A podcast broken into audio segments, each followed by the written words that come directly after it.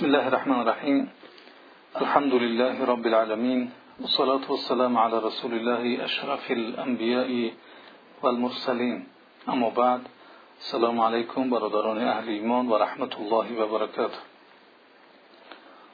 صحبت امروز ما انشاءالله در اطراف سورة الضحا هست. و این سورة از سوره های مکی است و دورای یازده آیت است. اعوذ بالله من الشیطان الرجیم. بسم الله الرحمن الرحیم. والضحى والليل اذا سجى. ما ودعك ربك وما قلى. وللآخرة خير لك من الأولى. ولسوف يعطيك ربك فترضى. ألم يجدك يتيما فآوى ووجدك ضالا فهدى ووجدك عائلا فأغنى فأما اليتيم فلا تقهر وأما السائل فلا تنهر وأما بنعمة ربك فحدث. صدق الله العظيم. و ضحا سوگند به زحا و لیلی اذا سجا و سوگند به شب چون بپوشد. ما ودعک ربک و ما قلا پروردگارت تو را وا نگذاشته و بیمهر نشده است. یا بر تو غضب نکرده است. وللآخرة خیر لك من الأولى. و قطعا آخرت بر تو از دنیا بهتر است. ولسوف یعطیک ربک فترضى و البته پروردگارت به به تو می بخشد پس خشنود می شوی و راضی می گردی الم یجدک یتیما فآوه مگر تو را یتیم نیافت؟ پس جایت داد بوششگاهت داد و وجدک ضالا فهده و تو را سرگشته یافت پس هدایت کرد. و وجدک عائلا فاغنا و تو را تنگ دست یافت پس توانگر گردانید. بینیازت ساخت. فاما الیتیم فلا تقهر و اما یتیم را میازار و اما السائل فلا تنهر.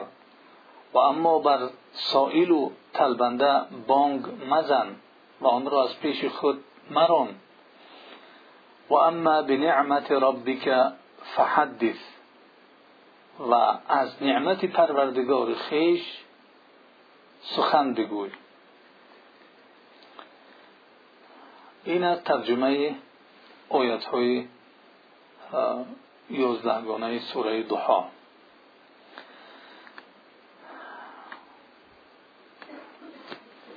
وجه تسمیه یا چرا این سوره دوحا نامیده شد؟ این نام سوره از کلمه اول الضحا که در این آیت اول آمده است گرفته شده است که خداوند در این وقت قسم خورده است که این آغاز روز است.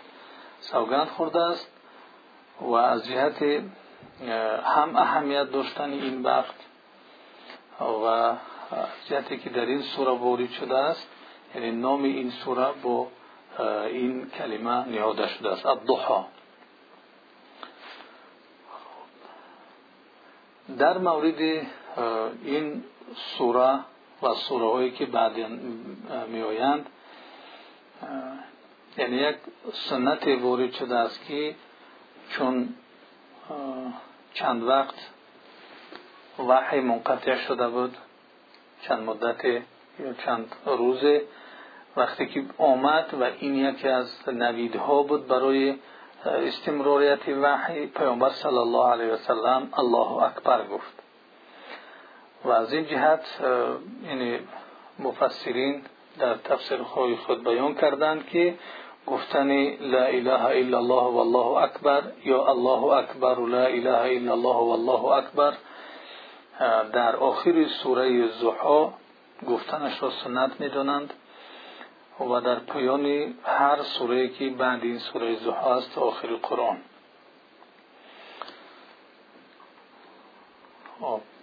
بچه مناسبت است که چرا این تکبیر گفتن شد. گفتیم که مدت وحی نامه تأخیر کرده بود. سپس چون جبریل علیه السلام با این سوره دوحا و تمامیش کاملا سوره از اول تا آخرش نازل شده بود چون به ایشان القا شد از خورسندی و شادی پیامبر صلی الله علیه وسلم تکبیر گفتند. خب مفسرین در بیان سبب نزول این سوره روایت کردند که برای رسول خدا صلی الله علیه وسلم یگان ناراحتی عارض شد. چی مشکلی بدنی یا چی ناراحتی بود که ایشان بر اثر آن دو یا سه شب برای تحد نماز تهجد به پا خواسته نتوانستند. در این اسنا زنی نزدش آمد از مشرکین و گفت که محمد به نظرم شیطان تو ترکت کرده است علیه بالله و دو یا سه شب است که به تو نزدیک نشده است. پس خداوند جل جلاله این سوره را به پیامبر صلی الله علیه وسلم نازل فرمود. به روایت دیگر جبریل علیه السلام چند روزی وسلم در این اسنا مشرکان گفتند که گویا که محمد صلی الله علیه وسلم را خدایش ترک کرده است و از اون ناراحت شده است که این سوره نازل گشت. و پیامبر صلی الله علیه و خیلی خوشنود شد. و دوحا سوگند به دوحا دوحا این نامی وقتی است که آفتاب بلند می شود و خوب نمودار می شود اول روز است و دنیا را خوب منور می کند و آفتاب در اون حالت گفتیم که کاملا دیده می شود وقتی کمالات بینش آفتاب است. یعنی آفتاب رو با شکل کاملش در اون حالت دیده می شود خب یعنی سوگند به روشنایی روز.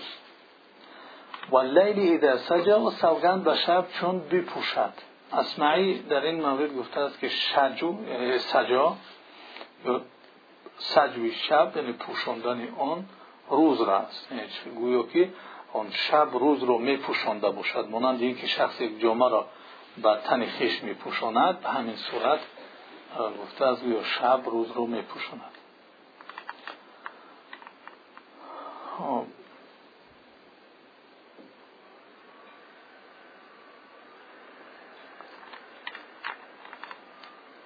ما ودعك ربك وما قال؟ این جواب قسم هست. در اینجا دو قسم گذشته قسم الضحا یعنی به اون وقتی چشت و دیگری به شب هنگامی که بپوشاند هنگامی که شب هم کامل شود. دیگر شب چنین نیست که یکی یک بوره همه جو رو فرا بگیرد بلکه اون هم به تدریج رفته رفته یعنی تاریکیش به صورت کمال در یک وقت معینی شب می شود وقتی همون پوشیدن شده خداوند به همین صورت قسم خورد. این قسمش برای چی بود؟ برای اینکه جواب قسم این است که پروردگارت تو را و نگذاشته است ترک نکرده است. و خب چگونه که یک کس به یک کس قطع علاقه می‌کند نی قطع علاقه کردگی نیست. ودا به همین معنا است که یک کس یک کس را ترک کرده است. ودع خب. و ما قلا و به مهری هم به تو نکرده است. قلا اینجا به معنای نفرت ورزیدن به سختی است که یک سختی به یک صورت سختی از یک کس نفرت کردن یا قهر کردن. این را قلا میگه که نه خداوند با تو به این صورت نفرت نکرده است یا از تو بمهری نشده است. ولل آخرت خیر لک من الاولا و قطعا آخرت برای تو بهتر است بهتر از دنیاست. یعنی آنچه که خداوند جل جلاله از مقام محمود و خب حوض حوض کوثر و آن خیری که در بهشت برای پیامبر صلی الله علیه و محبوب الله سبحانه و تعالی برایش وعده داده است. بهتر و نیکوتر از آنچه در این دنیا است. خب و این چنین این علاوه بر آن چیزی که خداوند باز پیامبر صلی الله علیه و به شرف نبوت این این شرف رو برای او داده است که این بالاتر از همه فضل از همه شرف است دیگر همه دیگر شرف ها و همه دیگر فضل فضل دیگر در برابر این مقام پیامبری شرف پیامبری اینها همش کم و کوچک نمودار می شوند هر چی که دیگر در دنیا هست در پیش این شرف نبوت ناچیز است. در حدیث شریف به روایت ابن مسعود اومده است که فرمود رسول خدا صلی الله علیه و سلم بر روی یک حسیر خوابیده بودند و درشتی حسیر بر پهلوی مبارک پیامبر صلی الله علیه و سلم اثر گذاشته بود. پس چون بیدار شدند عبدالله بن مسعود میگه که من شروع کردم به دست کشیدن به پهلوهایش پهلوهایشون. پهلوهای پیامبر صلی الله علیه و دست کردم. اون جایی که تاثیر کرده بود اون حسیر اون بوریا و گفتم که یا رسول الله آیا به ما اجازه نمی‌دهید که چیزی رو روی این بوریا برای شما هموار کنیم؟ تو اینکه این تاثیر نگذاره فرمودند مالی ولی دنیا انما مثلی و مثل دنیا که ظل تحت شجرة ثم راح و ترکها. مرا چطور است با دنیا؟ جز این نیست که مسئله من و مسئله دنیا همچون مسئله شخصی سوار است که یک لحظه در زیر درخت انتظاری می‌کشد یعنی سویگی می‌گیرد سپس آن را ترک نموده می‌رود. مسئله من و مسئله دنیا همی خیلی است.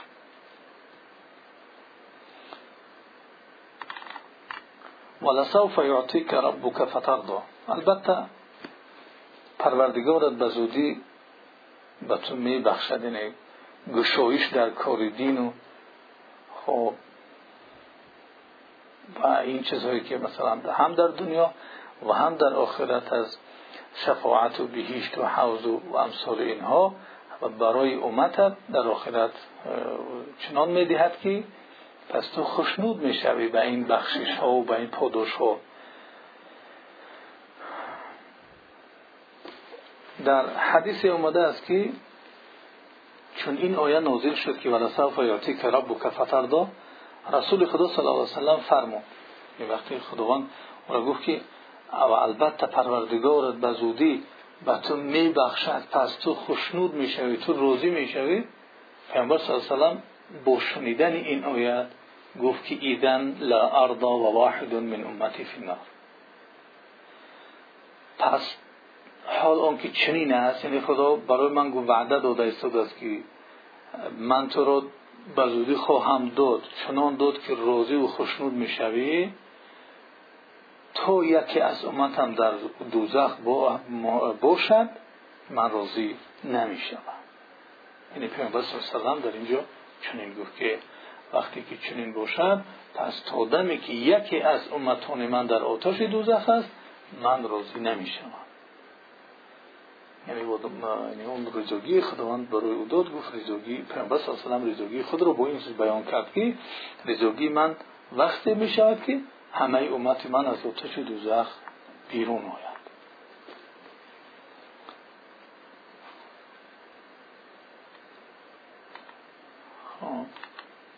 علم یجید که یتیما فآوا علم یجید که یتیما فآوا مگر تو رو یتیم نیافت؟ پس جای داد. یعنی پروردگار تو رو یتیم یعنی بدون پدر یافت. آنگاه که مثلا بعد اون که بی پدر به دنیا اومد برای او جای داد. اول در پهلوی مادرش که و سرپرستی اساسی او را بابایش عبدالمطلب می‌کرد. و این تا هشت سالگیش دوام کرد. مادرش در شش سالگی گذشت. بابایش که سرپرست اساسیش بود در هشت سالگی گذشت از دنیا. و بعد سرپرستیش بود به امکش ابو طالب گذشت. که دیگر این تا چند سال بعدی نبوت هم به پیامبر صلی الله یعنی سرپرستی می‌کرد. این الله سبحانه و تعالی این منت ها رو برای پیامبر صلی الله علیه و ذکر می نماید خب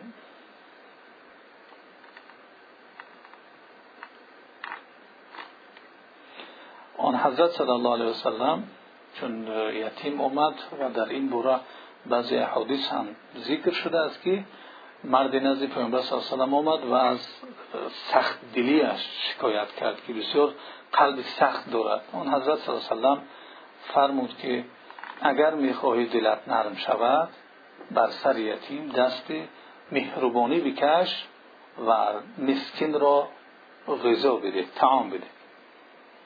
یعنی برای قلب نرم گشتن ملایم شدن او رو چنین توصیه داد که دستی مهربانی رو بر سر یتیم بکش و این چنین مسکین ها و فقیران را تعام بده. خب و این چنین در حدیث دیگر هم روایت شده است که انا و کافل الیتیم کهاتین یعنی من و سرپرست یتیم در بهشت مانند این دو انگشت هستیم یعنی به هم نزدیک و دو انگشت میانه و سبوبه و وسطا را. میانه و این سبوبه را یعنی با هم نزدیک کردن نشان داد که مثل این با هم است این در مورد یتیمی پیامبر صلی الله و تأثیرات رو که از یتیمی گرفته بود و توصیه هایی که به امتش داد در مورد یتیمان و وجدک ضالا فهده و تو را سرگشته یافت. پس هدایت کرد. یعنی ای پیامبر حق تعالی تو را از چگونگی ایمان غافل یافت. یعنی پیامبر صلی الله علیه در مورد ایمان در مورد قرآن در مورد کتاب در مورد شریعت ها و احکام الهی آگاه نبود. پس الله سبحانه و تعالی او را آگاه کرد با این چیزها در, در مورد ایمان در مورد قرآن و شریعت ها و احکام الهی آگاهش گردانید. اینجا کلمه دلال اومد که و تو را یعنی در دلال اینجا اصلی کلمه دلال گمراهی است ولی در مقابل هدایت است. ولی پیامبران چون ما عقیده داریم که اونها معصوم هستند از گمراهی ها از گناهان. پس این دلاله که در اینجا آمده است به اون معنای گمراهی ضد هدایت نیست بلکه به معنای ندانستن احکام شرعی و آگاه نبودن به امر پیامبری است. نه به معنای عکس هدایت بلکه یعنی به معنای آگاه نبودن از احکام شرعی است.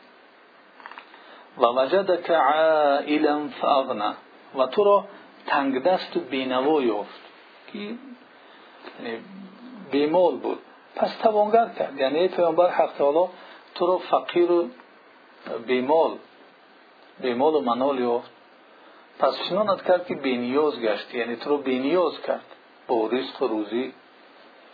یکی از این طریق که کار کرد در مال خدیجه.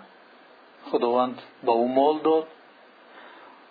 دویمش این که خاندار شد با خدیجه رضی الله عنها. و خدیجه رضی الله عنها تمام مال و دارایی خود را در اختیار پیامبر صلی الله علیه و سلم گذاشت خب. و پیامبر صلی الله علیه و سلم نیز در مورد وقتی که ثروتمندی سخن می رود اون قناعت را بیان می دارد که ثروتمندی است. یعنی خداوند پیامبر صلی الله علیه رو هم باز در برابر اون که ثروتمندش ساخت با مال یعنی او رو داد. مال از طریقی که تجارت کرد به مال خدیجه و از راه دیگر که خدیجه رضی الله عنها مال او رو مال خودش رو در اختیارش گذاشت و این چنین پیامبر صلی الله علیه و قناعتمند و خصلت قناعتمندی رو داشت. و در حدیث شریف اومده است که لیس الغنی عن کثرت العرض ولكن الغنى ليس الغنى عن كثرة العرض ولكن الغنى غنى النفس. توانگری از بسیار مالی و بسیار ثروت داشتن نیست بلکه توانگری و ثروتمندی غنا و این توانگری و از بینیوزی نفس است. نفس توانگر و نفس بینیوز شد. این را میگن که غنی و ثروتمند است. ولی کسی که مالی بسیار دارد ولی نفسش بینیوز نه نفسش توانگر نیست نفسش حالا هم نیاز دارد اون ثروتمند نیست اون غنی نگشته است. فاما الیتیم فلا تقهر. و اما یتیم رو میازار این پیامبر به پاس اون همه نعمت که خداوند به تو داد. خب و به سبب ضعف و نوتوانی که یتیم دارد در برابر مال مثلا ضعف دارد یتیمی دارد. خب حقی بر حق اون مسلط نشو. حق اون را استعمال نکن. به صورت نادرست خب پیامبر صلی الله علیه وسلم با یتیمان بهترین مناسبت ها را می‌کرد و توصیه هایی رو که دیدیم پیامبر صلی الله علیه وسلم اینگونه توصیه ها رو نسبت مناسبت با یتیمان می‌کرد. و اما سائل فلا تنهر تنهر. و اما بر سائل سائل طلبنده کسی که می‌پرسد میطلبد بانگ نزن. بر اون قهر نکن بر اون یعنی با صورت قهر و یعنی با درشتی مناسبت نکن و او رو از پیش خود نران. کسی که از تو چیزی خواست کمک می‌خواهد یوری می‌خواهد درخواست کرد برو بانگ نزه فریاد نزه او را از پیش خدمت را خب زیرا که در اینجا پیامبر صلی الله علیه و رو چون در نظر دارد که تو هم فقیر بودی. خب پس یا به او یگان تعام و غذا و خوراک پیشنهاد کن. یا که اگر نمی‌توانسته باشه این کار کرده با نرمی و ملایمت او را از پیش خود جواب بده. با نرمی و ملایمت نه به صورت سختی. در حدیث شریف آمده است که رد السائل ببذل یسیر او رد جمیل. فإنه يأتيكم من ليس من الإنس ولا من الجن ينظر كيف صنيعكم فيما خولكم الله سائل را طلبنده را که پیش شما میاد با بخشش هرچند اندک هم باشد. یا با برخورد نرم و نیکو برگردانید. یا اندک بتیش جوابش بتید یا اینکه با گپ خوب با کلمه های نیک او از پیش خود جواب بتید زیرا نزد شما کسی در حیعت طلبنده می آید که نه اینس است نه جین مقصد دارد که از ملائکه است. نه اینس است و نه جین پس می نگرد نگاه می که عملتان رفتار شما در آنچه که خدا برای شما از نعمت ها بخشیده است چگونه است. خدا داد برای تو این چیز رو با اون به شکل طلبنده پیشت می آید نه اینس است میگه پیامبر صلی و نه جین. ینظر کیف صنیعکم می‌بیند که چگونه است رفتار شما چی کار چگونه کار می‌کنید با اون چیزی که خدا داده است در دستم فیما خولکم الله. و اما بنعمت ربک فحدث. و از نعمت پروردگار خیش با مردم سخن بگوی نعمت هایی که به تو ارزانی کرده است. خداوند برای تو داده است. برای مردم آنها را اظهار کن و در میانشون اونها را اشکر کن. بنابراین سخن گفتن از نعمتهای خداوند این خود یک نوع شکرگزاری است. شکر گفتن است. وقتی که نعمتهای خداوند انسان ذکر می‌کند شکر الهی را گفته است. با یک قول در اینجا نعمت در نظر داشته شدگی است نبوت و در نظر داشته شدگی است قرآن را. از این جهت خداوند به پیامبر صلی الله دستور می‌دهد که قرآن را بخواند و با آن سخن بگوید. یعنی قرآن را هم بخواند برای مردم و هم اون را برای مردم تعلیم بدهد خب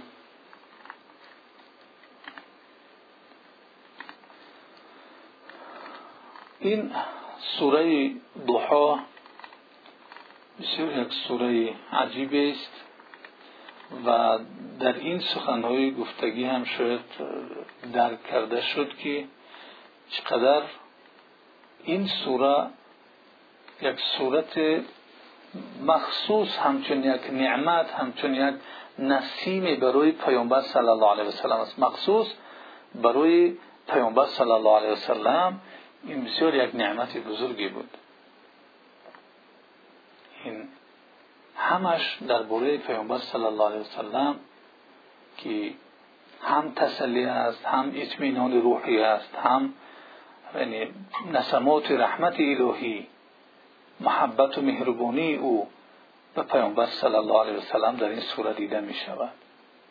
که در حقیقت الله سبحانه و تعالی چگونه با این بنده خود مناسبت عجیبی داشت. چقدر این رو دوست می داشت وقتی که دشمنانش با او چگونه رفتار کردند چگونه تهمت ها سری او زدند و او را تعنه کردند که گویا پروردگارش او را ترک کرده است خداوند چگونه با او مناسبت کرد و چی سوره رو برای او نازل کرد. خب اینم گفتیم سببش این بود که چند مدت چون وحی تأخیر کرد نامد دیگر مشرکان گفتن که گویا که خداوند پروردگارش محمد ترک کردگی است این وحی و واخری با جبریل علیه السلام و اتصال با خداوند پیوستی با پیوندی با خداوند اینها توشه های پیامبر صلی الله علیه وسلم بود. وحی واخری با جبریل علیه السلام و اتصال به خداوند اینها زاد توشه رسول الله صلی الله علیه وسلم بود. در چی؟ در این راه پرمشقت. و این وحی و واخوری با پای جبریل علیه السلام و اتصال با خداوند این همچون یک نوشابه بود برای پیامبر صلی الله علیه وسلم باز که در جای اون بیابانهای تشنه این کار که همه اطراف او پر از این کار بود پر از مشرکا بودند قبول نمی‌کردند دین را. در یعنی بیرون از دین الهی بودند یعنی به منزله یک دشتی بود که اونجا همه تشنگی بود. اون چیزی که پیامبر صلی الله علیه وسلم رو آب می‌داد انا همین وحی بود انا همین لقا و واخوری با جبریل علیه السلام و اتصال با خداوند بود. و این همه سختی های تکذیبی که می‌کردن قبول نمی‌کردن خدا را باور نمی‌کردن به خدا و رسول خدا. و به قرآن و که لازم است ایمان آوردن. برای پیامبر صلی الله علیه و چیزی که راحت بخش بود در میان این همه این کار و در میان این همه تکذیب و این مشقت راه این وحی بود و این آمدن جبریل علیه السلام بود و اتصال به خداوند بود.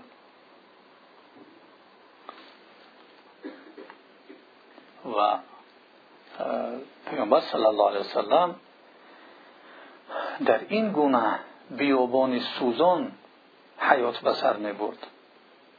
که این گونه نفس های در اطراف او بودند که آنها نفس های پراکنده در هر سو مثل حیوان های درنده که هر طرف گریزان بودند سرکش بودند باز در برابر پیامبر صلی در برابر دعوتش چی گونه مکر و چی حیله و چی اذیت ها را بر سر دعوت و بر ایمان و بر هدایت و بر اینها این مشرک های سرکش انجام می‌دادند. چیزی که پیامبر صلی الله علیه و سلم را اطمینان می‌داد چیزی که قلب او را آب می‌داد روح او را یعنی راحت می‌داد و اطمینان میبخشید این همون اومدن وحی و بخوری با جبریل علیه السلام و اتصال با خداوند بود. وقتی که این قطع شد این توشش از اون گویا که قطع شد. وقتی که این وحی و این لقای جبریل و آخری با جبریل علیه السلام اتصال با خداوند که یک مدت از او تأخیر کرد. این چشمه که برای او آب می نوشانید این چشمه گویا که خشک شد و قلبش بسیار در یادی در فراق آنچه که دوست می داشت بسیار غمگین شد. و گویا که انسانی که بیزاد و به توشه میموند و به آب میموند به همین گونه بود و این بسیار وزنین بود برای پیامبر صلی الله علیه وسلم در این حالت بود که الله سبحانه و تعالی این سوره را نازل کرد که این فیضی از جانب الله سبحانه و تعالی بود از محبت و از رحمت و از رضا و اطمینان و یقین بر پیامبرش که ما ودع ما ودعك ربك وما قال وللآخرة خير لك من الأولى ولسوف يعطيك ربك فترضى. ما ودعك ربك؟ یعنی پروردگار تو را ترک کردگی نیست. و ضحا و چگونه که خداوند قسم خورد به این شب و قسم خورد به روز در حالت زحا و شب هنگامی که می پوشاند و اینجا گفتیم که کمال روشنایی در روز وقتی زحا هست و شب هم وقتی کمالش وقتی هست که همه چیز رو می پوشاند خداوند به این چیزها قسم خورد. و این چیزهایی را که الله سبحانه و تعالی قسم می‌خورد علاقمند است به اون مسئله که بعد مطرح می‌کند. هم به اهمیت اینها توجهی بندگان را جلب می‌کند و هم به معنی آن چیزی که بعدا میآید علاقمند است. زیرا که انسان ها این روز و این شب رو می‌بینند با دیدن اینها بعد معنی رو میارد که برای فهمیدن اون معنی آسان می‌شود. مثلا ما می‌بینیم که روز بسیار روشن است. بسیار روشن زیباست. ولی شب میآید آهسته آهسته اون رو میپوشاند تا جایی که کاملا او رو میپوشاند. مثل که جامعه بدن انسان را میپوشاند که دیگر دیده نمی‌شود آن زحا ولی وقتی که اون شب روز را پوشاند این معنای آن را ندارد که دیگر روز نمی شود معنای آن را ندارد که دیگر همیشه شب است. با وجودی که همه را پوشاند باز میبروید اون صحا و آن روشنی روز. و این چنین این روز با وجود اینکه به کمالش می‌رسد ولی باز حالتی هست که اون همیشه اون خیلی دوام نمی‌کند بلکه آن گاه پوشیده می شود ولی باز می آید آن گونه که برای تو وحی می اومد که همچون زحا همچون نور بود و این آن معنای را ندارد که دایم دیگر آمدن می‌گیرد حالت می شود که اون گاه تأخیر می کند و اون تأخیر کردنی وحی مثل شبی است که کاملا میپوشاند. درست است سخت است. ولی باز میآید آن روز باز میآید آن زحا و تو رو هم ما ودعک ربک و ما قلا. تو رو هرگیز پروردگار رو ترک کردگی نیست و هرگیز پروردگار تو رو یعنی به سختی از تو رنجیدگی نیست. علاقه رو از تو کندگی نیست. بلکه همیشه با تو بود. وللآخرة خیر لك من الاولى خب. و آخرت برای تو بهتر است از اولا. در اینجا آخرت به دو معنا هست. آخرتی که ما می‌دونیم اون دنیای آخرت بعد از این دنیا هست. اون چیزی که خداوند در آخرت برای تو میتی است خیر لک من الاولا بهتر است برای تو از اولا. اولا این دنیا هست. از این دنیا دیده آن بهتر است. این یک معنا معنای دیگرش این است که آن چیزی که بعدا داده می شود برای تو از اینه که در اول برای تو داده است اون بهتر است. خیر لک من الاولا و این چنین در آن چیزی که میگید خیر لک من الاولا در اولا هم برای او داده شده است. در فتره اول در مرحله اول هم برای او داده شده است. و اون چیزی که برایش داده شده است در اول هم که از عنایت خداوند محروم نبود چیزی که بعد با برای او داده می‌شد بهتر است از اون چیزی که پیشتر داده شده بود. تو هرگیز پروردگار رو ترک نکرده است. تو هرگیز یعنی از تو نرنجیده است. ولسوف یعطیک ربک فترضا البته خدا پروردگارت به زودی در نزدیکی در این یعنی مدتی که بعد از این میآید به زودی چنان خواهد داد که فترضا تو راضی می‌شوی. یجید که یتیما فآب و وجدک ضالا فهدى و وجدک عائلا فاغنا. این چیزهایی می‌توان گفت که چی است؟ یعنی نعمت هایی که الله سبحانه و تعالی برای او داده بود. در حیاتت آیا این چیزها نبودن؟ آیا این رو احساس نکردی و قلبت این رو ندیدی؟ در واقع حیاتت این چیزها نبود؟ نه. ببین که آیا یتیمت تو رو در نیافت؟ با وجود اینکه یتیم بودی. با وجود اینکه در بطن مادر بودی که مثلا پدر از دنیا گذشت ولی جایگاه داد که بابایت را سرپرستی کرد. وقتی بابایت گذشتن عمکت را سرپرستی کرد. یعنی تو جایت رو یافتی جایگاه داد الله سبحانه. با چنان جایگاه داد که بابایش او را از فرزندانش دیده بیشتر دوست می داشت عمکش از فرزندانش دیده پیامبر صلی الله علیه و بیشتر دوست می داشت این چی است این نعمت ها نیست از جانب الله سبحانه و تعالی. وقتی پیامبر صلی الله علیه و سلم خردسال بود می اومد که عمکش می اومد که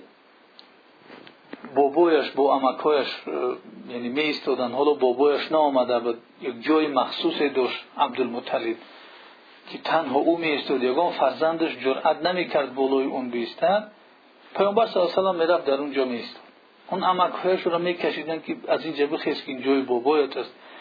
وقتی می اومد بابایش عبدالمطلب می گفت نه اون را بگذارید. این یک شانی دارد. یعنی آینده این شخص بزرگ است. در چهره او بزرگی را می‌دید. الله سبحانه و تعالی محبت او را در قلب بابایش جا کرده بود. و اینچنین در قلب امکش این محبت جا کرده بود که حتی گرچنده که در دین او نبود چی سالهای و چی سالهای تو از دنیا گذشتنش پیامبر صلی الله علیه و حمایت می‌کرد. و وجدک عائلا فاغنا یعنی بیمول بیمول بودی نداشتی. ولی الله سبحانه و تعالی گفتیم که در یک مرحله برای تو به صورتی که تجارت کردی در مال خدیجه برای تو داد. و همسرت خدیجه چون همسرت گشت و مالش رو در اختیارت گذاشت این دوی مرحله بود. و همینطور الله سبحانه و تعالی باز برای تو قناعت رو داد. صفت و اخلاق قناعت رو داد که یعنی چشمت به مال نبود. یعنی محتاج اون دیگران نبودی. چشمت نگران مال نبود. از یک جهت داد و از جهت دیگر بود. یعنی غنای نفس رو برایت نصیب کرد. یعنی قناعت بینیازی نفسی رو نصیبت کرد. که اینم دادی الله سبحانه و تعالی است. تو بخشش الله سبحانه و تعالی است. و این چنین نعمتی دیگر. ببینید اون نعمت در یتیمیش ذکر کرد از وقتی تولد شدنش. بعد اونی که نعمت دیگر که یعنی نعمت یکم جویش داد نعمت دیگم که او را بینیاز گردانید. نعمت دیگر که در اون جامعه که زندگی می‌کرد اون جامعه که همه گمراهی همه پر از گناه همه حتی اون اعتقاد را که این مشرکا که همه از دین بیرون بودن یعنی بتها را میپرستیدن. باقی مانده که از پیروان حضرت موسی پیروان حضرت عیسی بودن علیه السلام اونها دین ها رو تحریف کرده بودن. از دین دیگر فقط همون چیزهای یعنی آمیخته با گفته های دانشمنداش باقی مانده بود. راه حقیقتی که بشریت رو نجات می‌داد و در اساس عدل الهی حیات به پیش می‌رفت اون گونه راه در دست آنها نبود. اون گونه برنامه در دست آنها نبود. پیامبر صلی الله علیه وسلم احساس می‌کرد که نباید بشریت این گونه در گمراهی در فریبگری در زیناکاری در مینوشی در قلابی در رشوهخوری در ظلم کردن یکی بالای دیگر. یعنی یک انسان توانمند و قوی از حسابی یک ضعیف و ناتوان زندگی کردن. چگونه که میگن قوی ضعیف رو می‌خورد. یا که نظام جنگ قانون جنگل که در اون جنگل زنده کی کسی که قوت دارد. و کسی که قوت ندارد اون طعام می‌شود اون طعام می‌شود. اون یعنی برای قوی و زورمندان است. پیامبر صلی الله علیه وسلم این جامعه را دید این رفتار را دید. قلبش طاقت نکرد. ولی در اون دالم که اومد انا حیرت بود و در نزد او برنامه و در نزد او حکم و در نزد او شریعت نبود که هم خود با اون راه برود و دیگران را با اون راه ببرد. احساس می‌کرد که این راه نادرست است. خداوند او را حمایت کرد از بودپرستی از مینوشی از همه اون گناهایی که در دوره جاهلیت بود الله سبحانه و تعالی را حمایت کرد. این چیزها را پیامبر صلی الله علیه و انجام نمی‌داد ولی باید جامعه این رو می‌فهمید. باید جامعه بشر این گونه زندگی می‌کرد. الله سبحانه و تعالی برای او این نعمت را داد که نعمت هدایت است و این نعمت چگونه که ذکر کردیم بالاتر از همه نعمت های دیگر است. پس معلوم می شود که از اینجا الله سبحانه و تعالی برای او یعنی تذکر می دهد که تو را هرگیز پروردگارت پیش از این هم ترک نکرده بود. پیش از این هم برای تو بیمهری نکرده بود. حتی در وقتی که حالا پیامبر نشده بودی برای تو علاقه خوب داشت و زیر عنایت الله سبحانه و تعالی بودی. پس حالا وقتی که پیامبر شدی و برای مثلا راه الله سبحانه و تعالی را رساندن مسئول گشته حالا اکنون تو را ترک می‌کند حالا اکنون از تو ناراضی می‌شود. یعنی این چنین معنا دارد. که پروردگارت تو را حتی پیش از اون که پیامبر شدی این گونه رعایه و این گونه عنایت و این گونه دقت سر داشت. این گونه رعایتت کرده بود. پس باز برای او وعده داد که ولل آخرت خیر لک من الاولا تشمیش نکرد. حالا آن چیزی که بود در اول اون بود آیندهش از این بهتر است. برای تو. ولسوف یعطیک ربک فترضا چنان می‌دهد که راضی می‌شوی. خب. چنان الله سبحانه و تعالی خواهد داد که راضی خواهی شد خب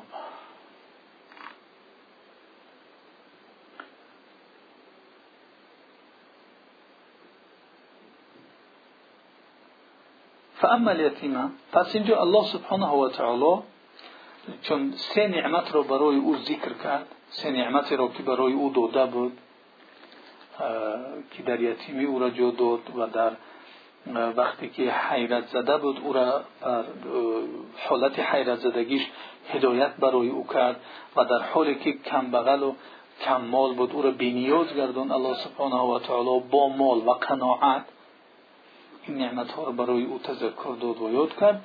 بعد از آن برای او سفارش داد فرمانها داد. اما یتیم فلا تقهر. اما یتیم باشد با یتیم درشت مناسبت نکن.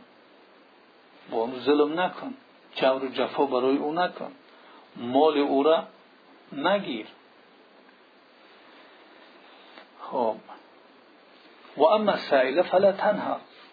و اما طلبنده باشد با او یعنی مناسبت نکن که وقتی که نمی‌خواهی دادن اون رو سرش قهر بکنی سرش بانگ بزنی سرش فریاد بزنی و از پیش خود به قهر برانی چگونه که دیدیم پیامبر صلی الله علیه وسلم گفت که یعنی یا می‌توانی او رو با اندک مال بده و جوابش بده اگر نمی‌دهی با گپ خوب یا شرایط نیست. یا مثلا چه حالتی هست که نمی‌تونی برای او مال داده.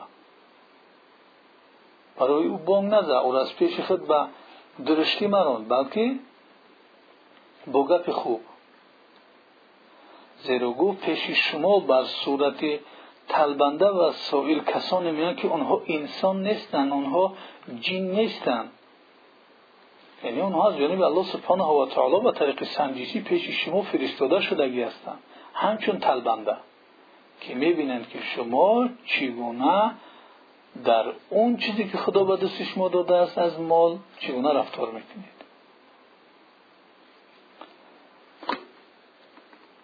و دیگر سفورشی که داد این در مورد نعمت ها تذکر دادن ذکر کردن نعمت ها آنچه که الله سبحانه و تعالی برای او داده بود اون نعمت ها را ذکر کردن. چی نعمت هدایت است؟ چی نعمت قرآن است؟ و چی نعمت های الله سبحانه و تعالی است؟ ذکر کردن آنها. این به منزله شکرانه الله سبحانه و تعالی را به جای آوردن است. در اینجا یک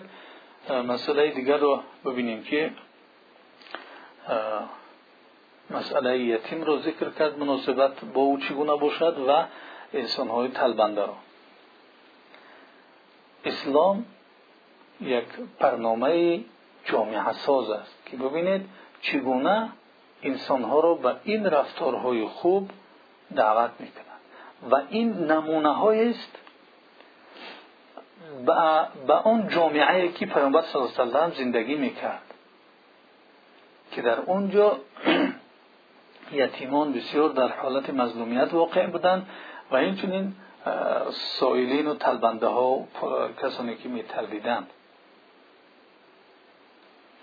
در اون جامعه برای پیامبر صلی الله علیه وسلم سفارش داده شد که مناسبت خود را با این طایفه مردمی که ضعیف هستند و قوی ها اینها را استفاده می‌برند. خب یتیم وقتی که بی پرست میموند اون کسانی که ممکن است که از خیش و تبارهاش باشند از امکاش و امثال اینها ممکن است که اون مال یتیم رو می‌گیرند.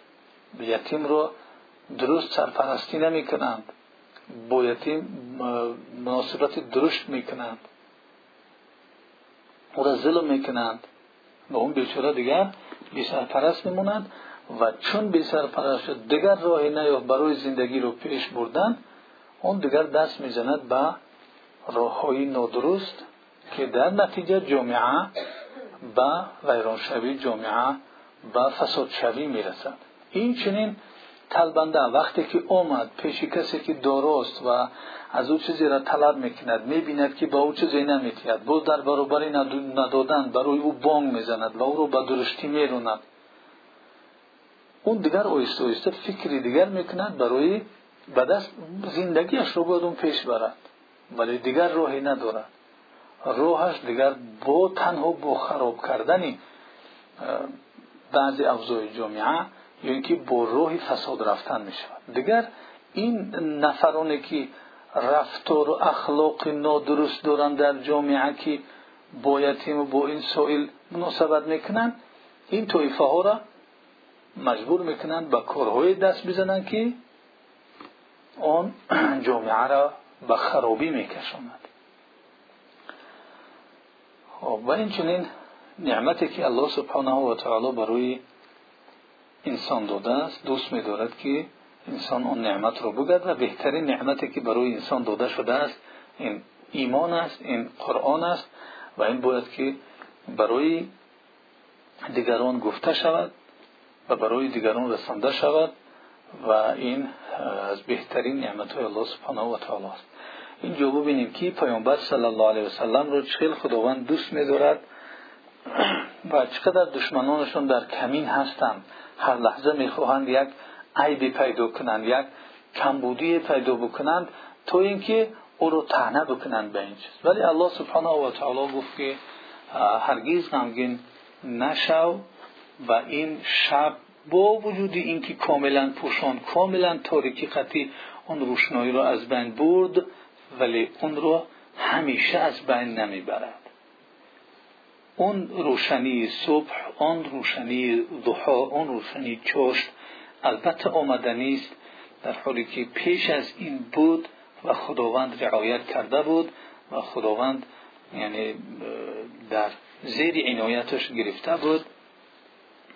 و در آینده هم الله سبحانه و تعالی بیشتر و بیشتر خواهد برای بندگانش عنایت کرد و خداوند پیامبرش رو اینگونه دلدهی کرد و پیامبر صلی الله علیه هم خرسند شد. با اومدن این آیت